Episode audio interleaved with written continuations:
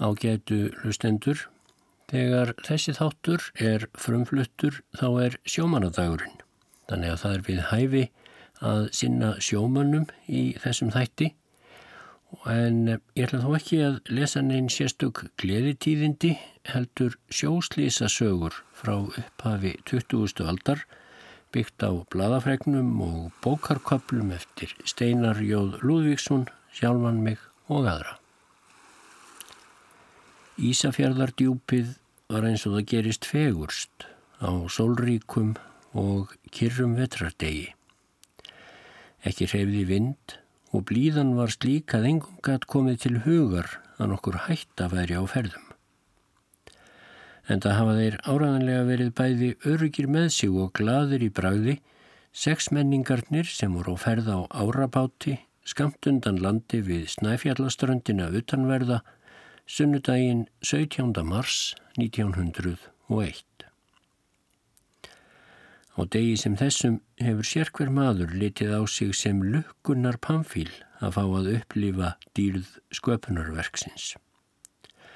Þetta var um hádegi og í litlum timburkirkjum hér og hvar umhverfi stjúpið voru íbúar í nógrenninu gengnir til messu en á þeim bæjum þar sem fólk hafði ekki aðstæður til að komast til kirkju hafði það verið kallað inn til húslestrar.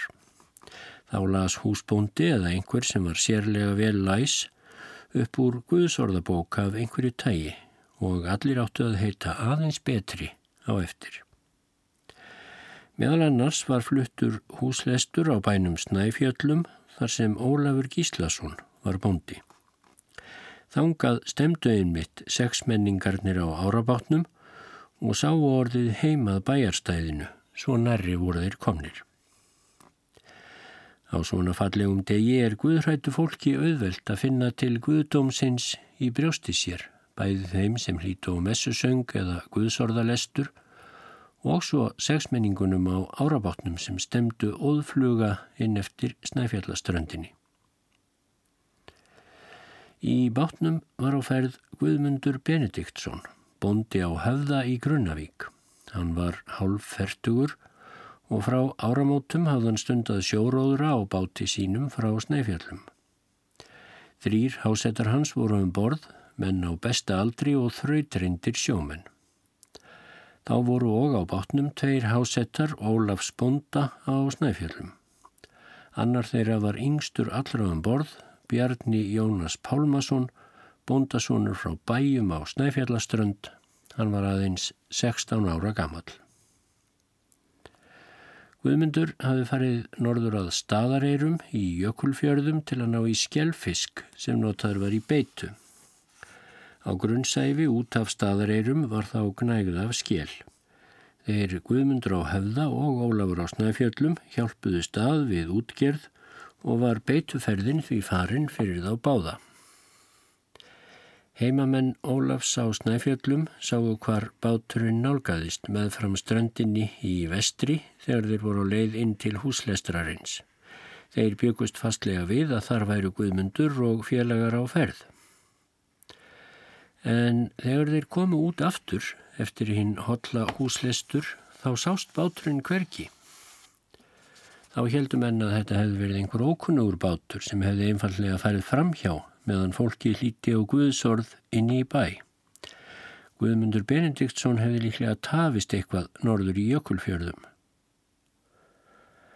En síðar þennan sunnudag þá kom hins vegar annar bátur að snæfjöllum sem líka hafi verið í beituferði í jökulfjörðum.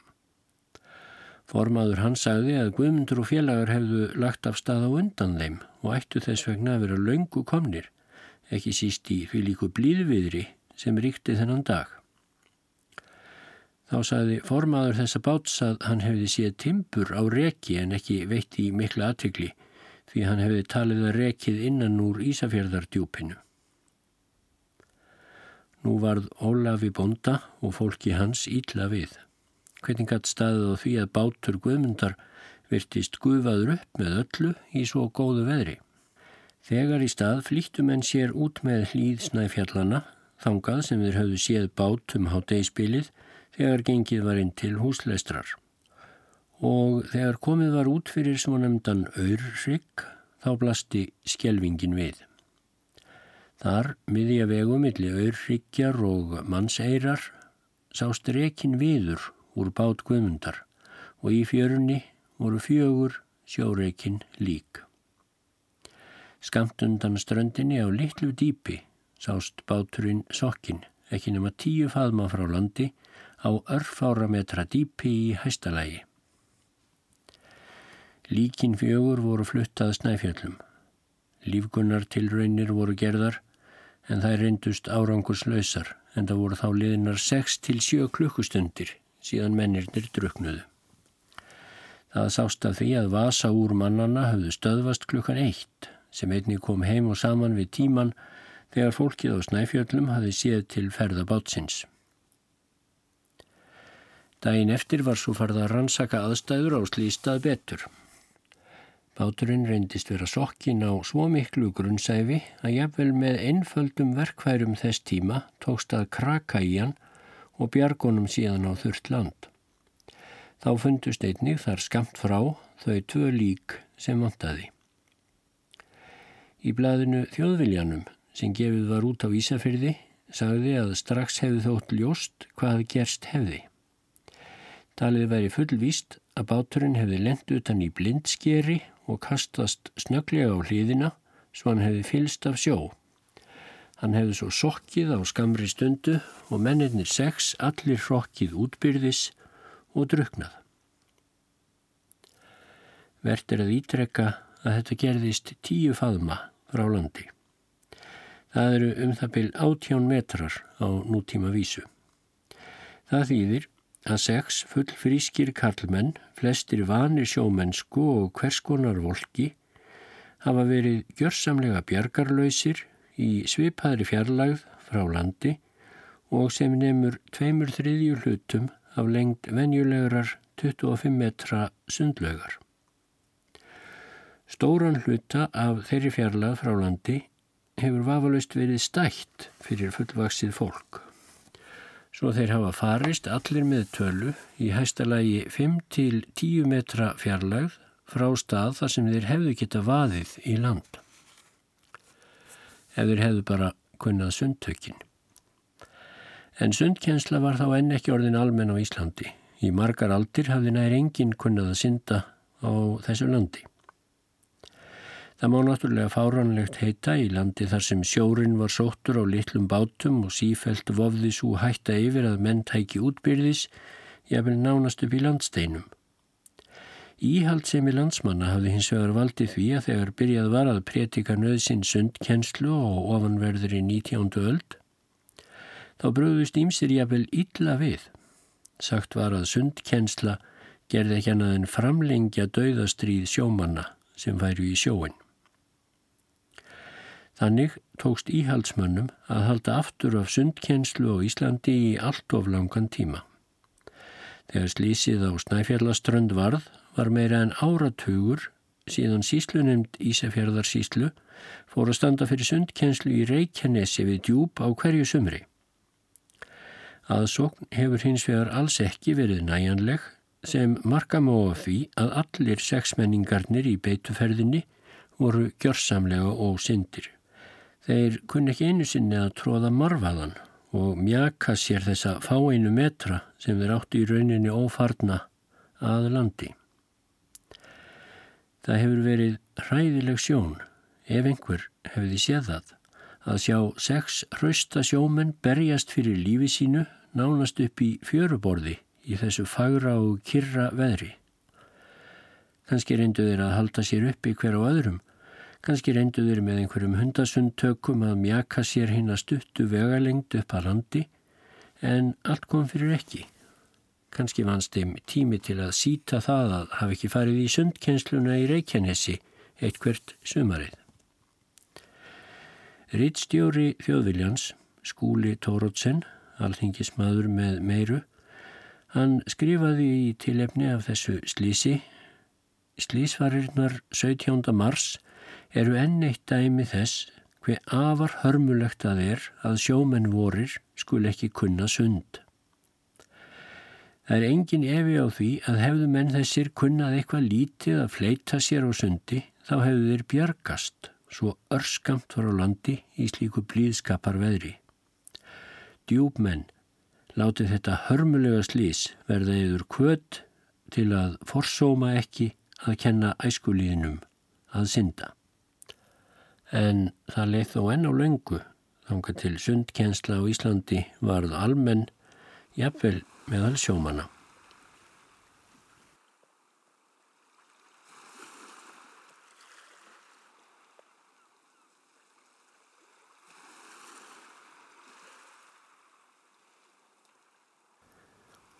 En það urðu víðarslýs á Íslandi þetta ár 1901 en bara í djúpinu. Eldsnemmað morgni föstudagsins 22. mars þá lagði áttæringur með tólmanna á höfn upp frá Þorlákshöfn undir formensku aflakóngsins Þorbjörns Guðmundssonar í Nesi í Selvogi. Þeir komist í mikið fiskir í vestur með Reykjanesinu og heldu áfram að veiða þótt veður væri farað að versna. Erðir höfðu drekklaðið bátinn og seil á eftir var komin þreyfandi norðan bylur og orðið aldimt að kvöldi. Bætti ekki úr skák að skipverjar höfðu glimt sírukút sem menn höfðu til að svala þorstanum um borð og ekki höfðu þeir heldur neitt ætilegt og gerðust nú brátt þrekaðir mjög. Þorbjörn Guðmundsson, formaðurinn, hafði hins vegar róandi áhrif á menn sína svo enginn aðræðist. Stöðugt versnaði í sjóin og ljóst var að báturinn kæmist kvorki að landi í Þorlásöfn, Selvogi, Nýjaherdísarvík vegna gríðarlegs breyms. Eitt ráð var að reyna að hleypa upp í fjöru í gegnum breymið en fastlega mátti búast við að bátnum kvóldi á leiðinni eðan brotnaði og þá væri vart að sökum að spyrja. Mennir myndu drukna í brímskaplinum eða jafnvel í fjöruborðinu áður en þeir getu krablað sig upp á land. Þá var ákveðið að fleia aflanum með stöðlum fyrir borð og sikla síðan til hafs í vonum að rekast á skútu eða tógara sem geti bjargað skipverjum um borð. Það var þó mjög áhættusamt ef báturinn sildi ekki fram á aðstóð mjög fljótlega. Þá myndi bátinn reka svo langt út á hafi í ílviðrinu að nær ógjörningur yrði að róa tilbaka þegar veðrinu tækir loks að slota. En Þorbjörn og menn hans voru hefnir. Um tvöleitið aðfarnóttu lögardags syldu þeir fram á þýlskútuna Himalæja. Hún var bara úr hafnarfyrði, þótt nafnið Himalæja geti kannski gefið annað til kynna. Hún var gerð út af Ágústi Flíganring Kvæmanni. Skipstjóri var Þórarinn Guðmundsson. Vel gekk að bjarga skipverjum á róðurarbátnum yfir í skútuna og var báturinn tekin í tók. Morgunin eftir ákvað Þórarinn skipstjóri að sigla með skiprótsmennina inn til Hafnarfjörðar. Háðan upphaflega ætlað að skjóta þeim í landi í Þorlásöfn en hafði svo rekið það langt til vesturs aðfaranóttu lögardagsins að affara sætla var talið að sigla inn á faksaflóan. Veður versnaði í reykjanisaröstinni og slitnaði þá róðrarbáturinn aftanúr. Hann rak setna upp í höfnum og var gerður þar upp og þótti happa fleita. En þegar Þórarinn skipstjóri komst lóksinn til Hafnarfjörðar löst fyrir miðnætti var skiprótsmönnum útvegið gisting í bænum. Þeir eruðu varir við það að Þórarinn fekk skömm í hattin hjá útgerðarmanni skútunar Ágústi Flíganring fyrir þær tafir sem orðið höfðu á veiðum vegna björgunnar skiprátsmanna. Það þótti Þorbirni formanni og mönnum hans að vonum íld, en það sínir það ótrúlegt virðingarleysi fyrir lífi og limum sjómanna, en því miður eru mörg dæmi til um slíkt frá þessum árum. Morgunin eftir lögðu skiprótsmenn svo upp frá Hafnarfyrði og gengur söður í Selvók og Þorlásöfn og til þeirra bæja í Ölfusinu þar sem nokkrir þeirra voru búsettir. Voru þeir komnir heim til sín undir kvöld eftir tæplega þryggja sólarhinga rakninga. En þá brá svo við að sóknarprestar og aðrir mætir menn voru nýbúnir að tilkynna aðstandendum þeirra að þeir væru allir dánir, druknaðir. Talið var fullvíst að bátur þeirra hefði sokkið í ílviðrinu strax fyrsta kvöldið. Á bænum Kotströnd í Ölfusi hafðu tvær dætur Eyjóls Þorbjörnssonar bonda til dæmis leitað hælis út í fjósi til að gráta einar pappasinn. Þá sáu þeir hann allt í einu, þramma fyrir fjóstyrnar með skinnklæði sín í fanginu og örðu skjelkaðar því þær heldu að þar væri komin draugur hans. Þær hlupu inn til móður sinnar en þá var Eyjólfur einmitt þangað komin til að hilsa konu sinni og örðu fagnaðar fundir. Það er af Þorbirni Guðmundsinni formanni að segja að hann útvegaði sér strax gamlan áttæring, gerði hann upp og helt von bráðar áfram veiðum með mönnum sínum.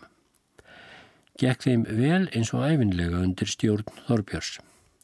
Þrátt fyrir tafir á veiðum við að gera upp bátinn, urðu hann og menn hans yfir meðalagi hvað hlutsnerti þegar upp var staðið þessa vertíðina. Þetta var hins vegar síðasta vertíð Þorbjörns því sumarið eftir fekk hann slæma blóðeitrun í hægri hönd og handlegg. Misti hann allan mátt í hendinni síðan. Þorbjörni var svo líst af einum skipverjana sem tóku þátt með honum í rakningunum í mars 1901. Hann var mikilmenni í orðsins fylstu merkingu framúrskarandi heppin formaður, góðgjarn og greiðvíkin og hversmanns hugljófi. Næsta slís sem ég ætla að lesa um gerðist 7. apríl árið 1901. Þá fóru nýju sjómenn af skútunni Byrni frá Akranissi í land á smá kænu, líklega skipsbátnum, þegar skútan hafði viðdöl í Reykjavík. Hún láð þá á ytri höfninni, en það ekki búið að reysar neinar bryggjur í Reykjavík þá. Skipverjar á Byrni hafðu þá örfáum dögum fyrr staðið af sér mikið páskarhett. En þegar nýmenningarnir heldur til skips á nýjum áttaleitiða kvöldi var sjólag tekið að versna en engin hætta var þó á ferðum. Þeir rýru sem leið lág upp að skipslið og byggust þeir sem um borð voru í Byrni til að taka á mótið þeim. Þá vildi svo til að einn mannana í bátnum misti hattin sinna á haustnum og fór hatturinn í sjóin. Og það átti eftir að hafa vægast sagt skjelvilegar afliðingar. Maðurinn tegði sig út yfir borstokkin eftir hattinum en þá koldi skipsbátnum á skamri stundu og fóru allir mennirnir nýju í sjóin. Skipverjar um borði í byrni brúðu mjög skjótt við og kostuðu kaðli til mannana í sjónum og tókst sex þeirra að ná takja á kaðlinum og krabla sig síðan um borði í björn. En þrýr menn druknuðu hins vegar við skipsliðina en það ósindir með öllu. Ef þeir hefur lert að synda þá hefur þeir á nokkur svafa getað haldið sér á flotti nógu lengi til að ná í kaðalinn frá félögum sínum. En kom sundkunnáta eða skortur á henni til skjálana þegar íslenskum sjómönnum voru ráðin örlög. Þreiminningarnir héttu Jón Sigurdsson og Guðmundur Helgason frá Akranissi og Hallgrímur Guðmundsson frá Káraneskoti í Kjós. Í þjóðólfi sem Hannes Þorstinsson, kunningi frjálstara handa, síðan um daginn, rittstýrði, þar sagði daginn eftir er þetta mjög hörmulegt slís og fágætt hér á höfninni en reynast að furða að svona fer ekki oftar jafn óvarlega sem fariðir hér á örlittlum kænum, drekklöðnum. Og því miður leiði ekki langur tími þánga til komi ljós að Hannes Þorsteinsson hafði rétt fyrir sér. Eitt ægilegasta sjóslís Íslandsögunar átti sér stað örskamt frá höfninni í Vestmannegjum þann 17. mæ árið 1901 þegar 27 manns druknuðu eftir ferðalag undan eigafjöllum sem ekki verður líst öðruvísi en sem feigðar för. Eftir páskarhettið í byrjun apríl hafði vorið verið gott sunnanlands. Oftast voru veður með blíðasta móti. Að kvöldi miðugudagsins 15. mæ litu skipsformenn undir eigafjöllum vandlega til veðurs því umskeið hafði staðið til að fara út í vestmannegar með fólk og ýmsan varning. Þetta kvöld þótti veður útlitið lofa mjög góðu. Meðal formannana var Björn Sigursson búndi í Skarðslíð en sá bærir á mótum austur og vestur eigafjalla rétt áður en komið er að skóafossi á austurleið. Björn átti áttæring eða tólfmannafar sem fadir Björns Sigurður Haldursson hafi smíðað þegar hann bjá í landegjum. Þaðan hafi báturinn verið gerður út í byrjun. Báturinn var kallaður Björgólfur og þótti tröstur og góður. Rétt fyrir aldamótin gerði Sigurður hann upp svo Björgólfur þótti ennhið ágætasta skip. Upphaflega höfðu verið skornar rósir í svonumdar bitafjallir bátsins og þar á milli vísu orður passíusálmum Hallgríms Péturssonar. Þessi skreiting held sér þegar Sigurður gerði bátin upp. Sigurður var nú fluttur að Skarðslíð og síðan var Björgólfur gerðan kallaður Skarðslíðar Jölið. Jölið þýtti einfallega lítill bátur skilt orðinu Julla.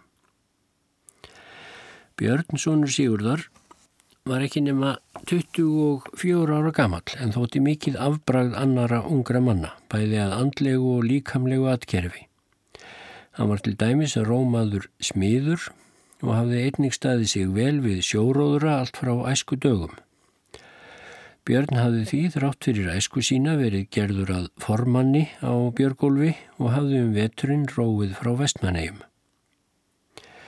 Eins og kunnugt er eru hafnir slæmar á ströndinni undir eigafjöllum og lít hægt að treysta á að þaðan mætti róa þegar hendaði. Þess vegna fluttu sjómenn undan eigafjöllum sig til vestmannegja meðan vertíð stóð yfir. Á vetrarvertíðinni hafði Björn komist að þeirri niðurstöðu að réttast væri að fá sér nýjan bát. Björgólfur væri þrátt fyrir allt fann að eldast svo lítið.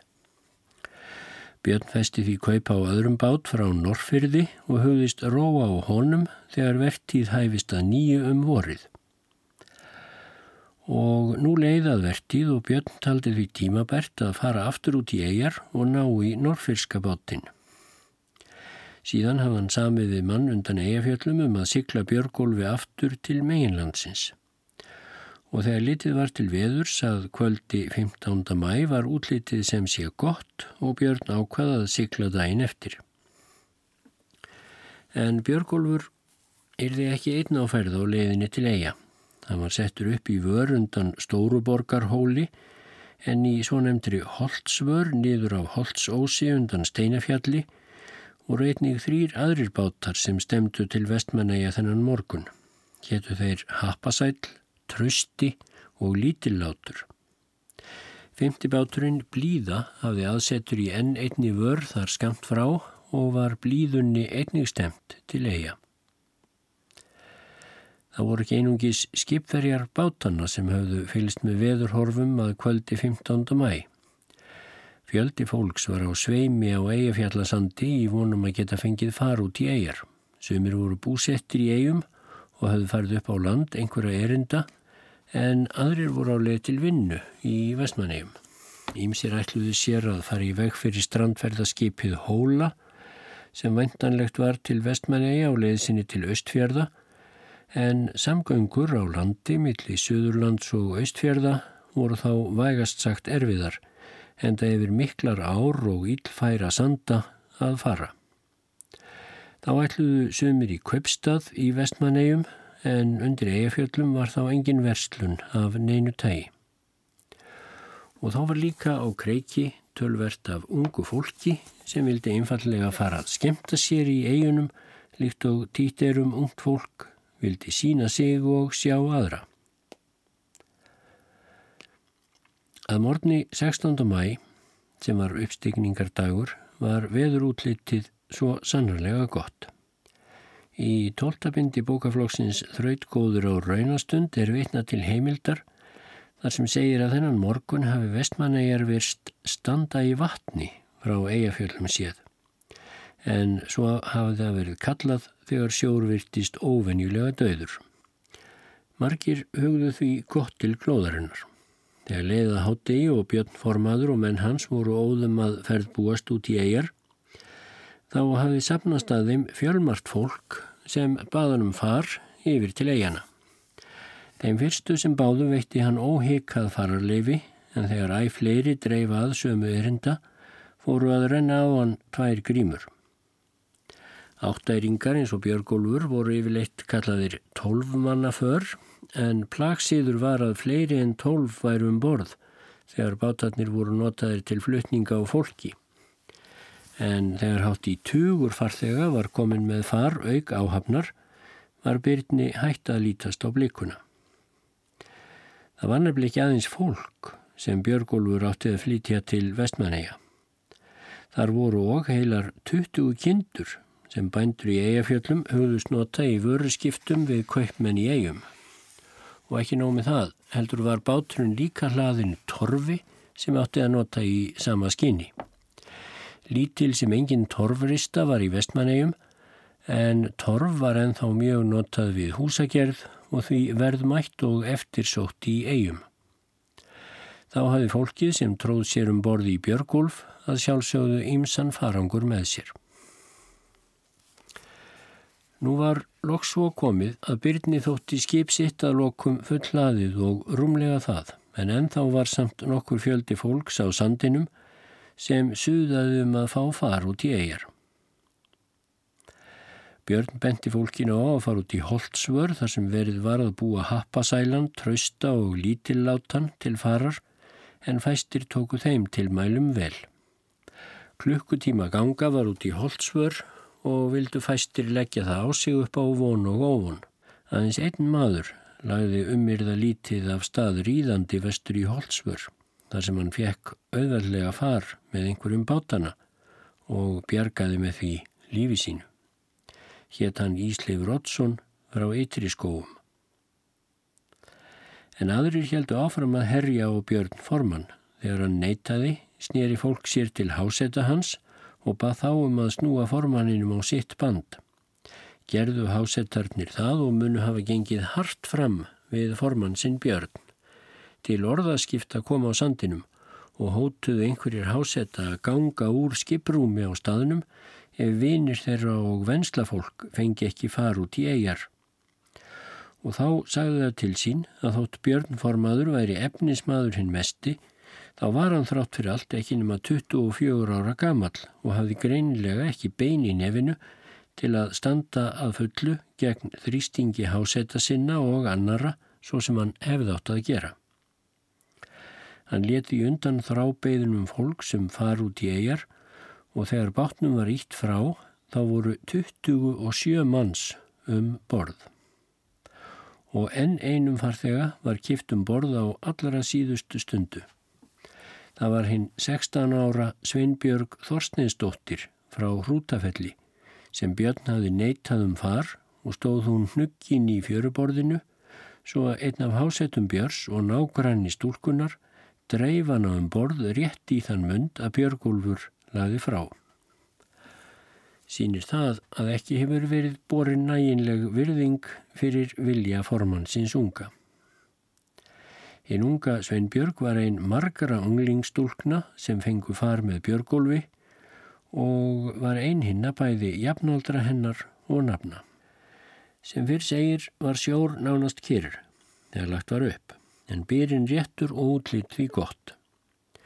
Egað síður hefði reynsla sjómanana átt að segja þeim að með öllu óforsvaranlegt væri að leggja upp með svo drekklaðin bát í ferð sem tæki jafnvel við bestu aðstæður nokkrar klukkustundir og að á svo langri leið geti rókið upp verra veður með örstutum fyrirvara.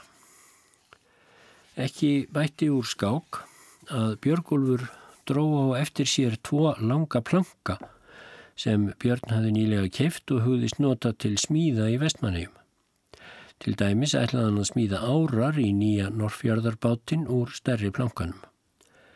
Í þann mund sem Björn rendi frá, þá kom bátur siglandi frá vestmannegjum. Þeim bát stýrði Guðjón Jónsson sem þá var bondi þar sem hétti Steinum undir eigafjöllum. Skip Guðjóns hétt Vikingur og segja heimildir að það hafi verið bæði stort og traust. Guðjón veittið í aðtökli hver mjög hlaðin Björgúlfur var og hugleiti með sjálfum sér hvort hann ætti að stöðva Björn á Skarðslíð og bjóðunum skip sitt til vestmannægjaferðarinnar en ekki leta hann verða af því. Hefði það þó vafa lítið bjargað lífi allra um borð, þar að segja ef Björn hefði þegið gott bóð.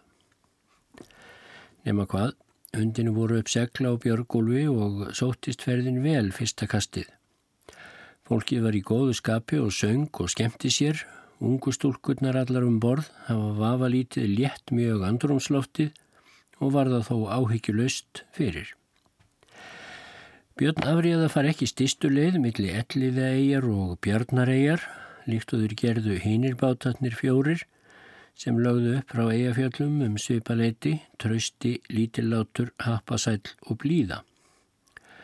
Döldum en setna hann hefði óttast að kvessa færi af söðri og við þær aðstæður fengi hann all erfiðan hlýðarsjó ef hann færi milli eigana gæti það reynst svo mjög hlóðunum báti sem Björgólfi erfitt. Og vissulega fórbrátt að kvessa. Ekki hefðu menn þó verulegar áhyggjur til að byrja með og heldur ekki þótt gefa færi á bátinn. Nó var að fólki til að auðsa og engin veruleg hætta á ferðum, vonaði fólk.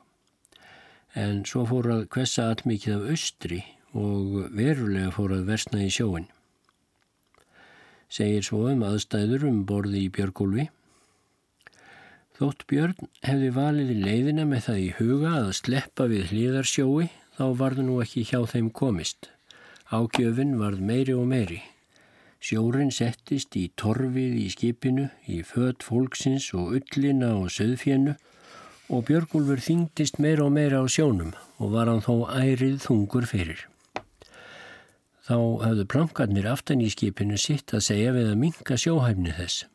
Þegar öldurnar fóru undir skipið og leituðu síðan upp á öldurhyggina, tóguðu plankarnir þar niður og urðu til þess að ágjöfin varð meiri en ella. Áfram jakaðist báturinn þó og brátt hildi undir höfnina í vestmanheim. Þar kom að aðeins tíu mínútna siglingu eða svo var eftir en það var líka hættulegasti hluti leiðarinnar. Höfnin í vestmannegjum þótti að var góð en skamt utan við hana, undan klettsnefi, voru ströymamót og þar var oft ílt í sjóin. Þegar sílt var með fram svo nefndri beinakeldu suðaustur af klettsnefi þá bættist við að mikið frákast var frá berginu og gáttu öldur þar orðið mjög krappar. Björn og aðrir um borði í Björgólfi sem nálguðust nú þennan ískíkilega stað hafa vafalaust borið ugg í brjósti. En þó huggað sig við að það tæki þrátt fyrir allt skamman tíma að komast í gegnum þetta rót og síðan er því leiðin greið inn til hafnarinnar. Og svo höfn hefur þá verið orðin langþráð á drekklöðunum bátnum sem sífelt gekk meira yfir, fólkið var hætt að syngja og orðið áhyggjufullt á svip. Fjöð var jarmandi og sjóveikt innan um moldugar sjóblöytar torflænslurnar. Auðsiði skipið, rópaði Björn formaður í sífellu og allir tók hóð því sem þeir áttu til. Uppi á landi í vestmannegjum fyldist fólk spennt með ferðum Björgóls. Það þótti alltaf tíðindum sæta þegar skip og bátar komu og nú hafðu fjórir bátar komið á skammum tíma og sá 50 var stattur undan klettsnefi. Vestmanneingar sem þekktu sjólaið undan nefinu voru orðnir áhyggjufullir, ekki síst þegar þeir þóttust sjá hver hlaðin Björgúlfur væri. Húsfreyjan í Vesturhúsum horði á siglinguna og leist ekki á blikuna. Vesturhús voru þrátt fyrir nafnið austandil á heimaði og fór bæjarstæðið 72 árum setna undir hraun í gósinu 1973. Húsfreyja kallaði nú um mann sinn, Magnús Guðmundsson, formann og sagði hann um að vera reyðubúin til aðstóðar því þetta geti endað með ósköpum. Og einmitt í þeim sveifum gerðist það versta sem hent gat. Skamt undan beinakeldur reyf sig upp brot og skalla á björgólfi sem kvóldi á sveipstundu. Neiðarópin heyrðust í land þegar fólkið hrataði hvað af öðru í sjóin. Mikið brak úr bátnum, flautum í sjónum og náðu sumir að halda sér á floti um stund og nokkrir komist á kjöl og gáttu að haldi sér þar. Sífelt gaf hins vegar yfir skipsflakið og brakið umhverfis svo erfitt var að halda sér. Og ef einhver misti takið þá sökk hann eða hún nær samstundis því af öllum þeim 28 manneskjum sem voru um borði í Björgólfi þá kunni enginn að synda. Tveimur af nýkomnu bátunum undan eigafjallum, trausta og lítillátum var þegar í stað hrundið úr vör og stýriði hapsögumadurinn í eigum lítillátum en fyrirnemdur Magnús Formaður Guðmundsson stýriði trausta. Ítla gekk að róa át á slýstaðin vegna mótvinds í Klettsvíkinni en um hálftíma eftir að Björgólfi kvóldi þá voru trausti og lítillátur loks komnir á staðin. Aðeins einn maður var þá sjáanlegur var það einn af hásettum Björns Formans, Pál Bárðarsson frá Rauvarfelli. Hann hjekk sem fastast á kíli bátsins og var svo einbeittur í örvæntingu sinni að hann vildi ekki sleppa tækinu þótt Björgunar menn væru komnir. Um síður tókst að ná honum um borði í lítillátan sem þá var orðin hálfullur af sjó vegna ágjafar þegar róið var út á Klettsvíkina. Pál virtist nánast sem í öðrum heimi um skeið og endurómaði orð hins ókjæfu sama Björns formans auðsiði skipið, kallaðan, auðsiði skipið. Hann jafnaði sig þó að mestu á leið til lands og gekk óstuttur frá borði til húsi vina sinni í eigum þar sem hlúð var aðunum. Pál skýrði frá því síðar að hann hefði komist strax á kjölinn þegar Björgólfi kvóldi. Einu sinni hafði hann mistakið en náði strax aftur. Árni Sigursson á Rauðafelli hjekka á kílinum með honum um stund og töluðu þeir nokkuð saman en Árni misti svo takkið og kvarfi ölduróttið. Páli var það líklega til bjargar að hann var í skinnstakk sínum og skinnbrókum og hefði bundið fyrir brókina með snæri. Svo litið loft helstu í brókinni og þannig var hann auðveldara að halda sér á flotti. Alls fundu björgunarmenn á trausta og lítillátum áttamanns á floti í brakinu. Allir voru meðutundarlausir eða látnir en björgunarmenn töldu mögulegt að lífsmark væri með einhverjum þeirra. Var fólki því flutt í land svo fljótt sem verða mátti þótt reyndar sæktist ferðin sent vegna sjógangs. Þegar lend var tók Sigurður Snikkari Sveinsson í Nýborg í Vestmannegjum á móti líki Þórunnar dóttur sinnar sem var 16 ára og bar hann inn í hús þar sem læknir gerði árangurslausar lífgunar tilraunir á henni. Ekki tókst að lífka aðra við. Dægin eftir fannst eitt lík til viðbótar og mánuði síðar það tíunda. Hinn 17 líkin hirti sjórin og let ekki af hendi. Flakið af björgólfi rak loks upp í svo kallar urðir og brotnaði þar. Af kindunum ver ekki sögum en vera má að einhverjar þeirra hafi bjargast. Kindur eru syndar frá náttúrunarhendi. Þótt vart hafi þær verið vel þjálfaðar til að halda sér á floti í ölduróti eins og í Klettsvíkinni þennan uppstigningar dag. Fregninum sjóslýsið mikla við vestmannegar vakti að sjálfsögðu mikla sorg þegar hún spurðist út. Í Reykjavík og Víðar voru haldnar sapnanir og skemtanir til að styrkja þá sem hefðu orðið ítla úti. Þeir voru margir og til dæmis hefðu 24 börn mist feður sína í þessu hræðilega slísi en feður töldust á yfirleitt einu fyrirvinnur fjölskyldna. Stæsta framlægið kom frá danska krómprinsinum sem síðar varð Fridrik konungur áttundi. Hann lagði til 500 krónur.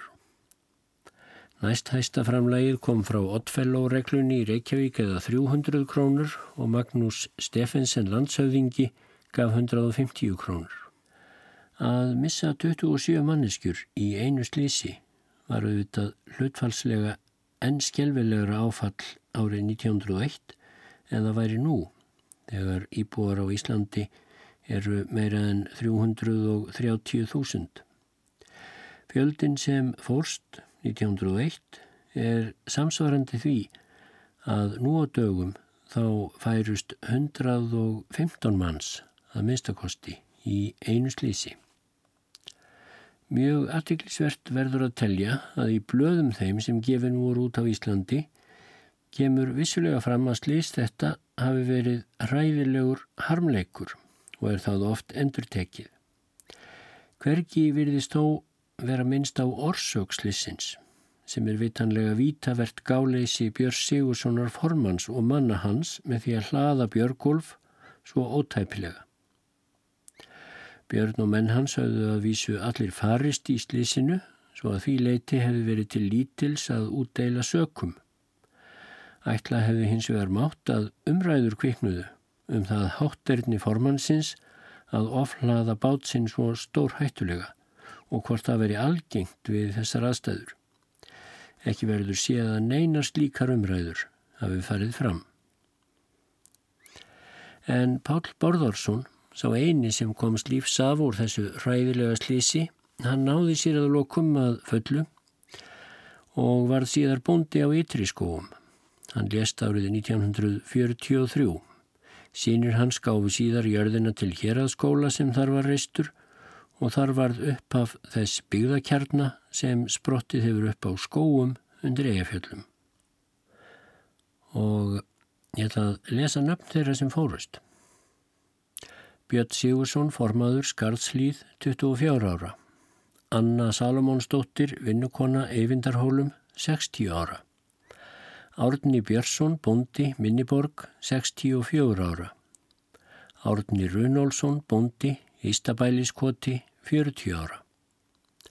Árni Sigursson, bondasónur, Rauðafelli, 20 ára. Bjarni Ingimundarsson, vinnumadur, Rauvarhelli, 27 ára. Bjarni Sveinsson vinnumadur, Ytri skóum, 31 árs. Einar Einarsson bondi, Rauvarfelli, 48 ára. Finnur Sigurfinnsson bondi, Stóruborg, 45 ára. Guðmundur Jónsson vinnumadur, Leirum, 33 ára. Guðmundur Ólafsson bondi, Siðra Hrútafellskoti, 45 ára. Guðni Bjarnadóttir, Löndum í eigum, 20 ára. Haldur Jón Stefánsson, bóndi, Rauðafelli, 69 ára. Jón Ólafur Eymundsson, vinnumadur, Eyvindarkoti, 31 árs. Kort Hjörleifsson, bóndi, Berjaneskoti, 68 ára. Magnús Sigurdsson, bóndasónur, Skarðslíð, 19 ára. Ottur Ottsson, bóndasónur, Ytri skóum, 26 ára. Rannveig Gísladóttir, Eistri skóum, 19 ára. Sigfús Jónsson í Lambafelli, 22 ára. Sigur Jón Bjarnason, skósmiður, Eistri skóum, 28 ára. Stefán Tómasson, bóndi Rauðafelli, 35 ára. Steinn Guðmundsson, vinnumadur, Drangslíð, 20 ára. Sveinbjörg Sigurðardóttir, bóndadóttir Rauðafelli, 16 ára. Sveinbjörg Þorsteinsdóttir, bóndadóttir Rútafelli, 16 ára. Vilborg Brynjólfsdóttir, bóndadóttir Sitjanda, 16 ára. Þórun A. Jóð Sigurðardóttir, Snikkaradóttir, Nýborg í Vestmanhegjum, 16 ára. Þurriður Bergsdóttir, vinnukonna Skarðslíð, 17 ára.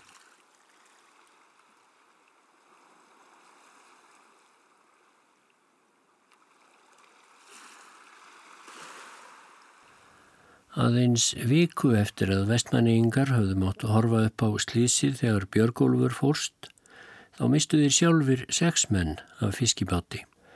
Báturinn hafði farið til veiða og samt fleiri vestmanningabátum í góðu veðri, en um miðjan dag skall á óveður eins og hendi væri veifað. Báturinn var þá allangt austur af Bjarnarei og stemdi þegar til lands, en í álunum við eiguna fekk hann á sig hnút og sökk á skamri stundu. Margir fleiri bátar lendu í erfiðleikum en sluppu til lands. Menninir fjórir voru allir bændur. Þeir héttu Magnús Guðlöksson frá Fagurlist, formaður og eigandi bátsins, Pálmi Guðmundsson og Árni Jónsson frá Stíkshúsum, Jón Ejjólfsson frá Kirkjubæ og Hreitn Þórðarsson frá Uppsölum, allir vestmanniðingar og svo Eyjólfur Guðmundsson frá Kirkjulandi í Landegjum. Þeir voru allir kventir en sumir barnlausir, aðrir áttu eitt barn og aðeins einn er átti tvö. Ísafold skrifaði af því tilefni, líklega lítil ómegð eftir þá samtals, en mannskaðin mikill og tilfinnanlegur eftir því.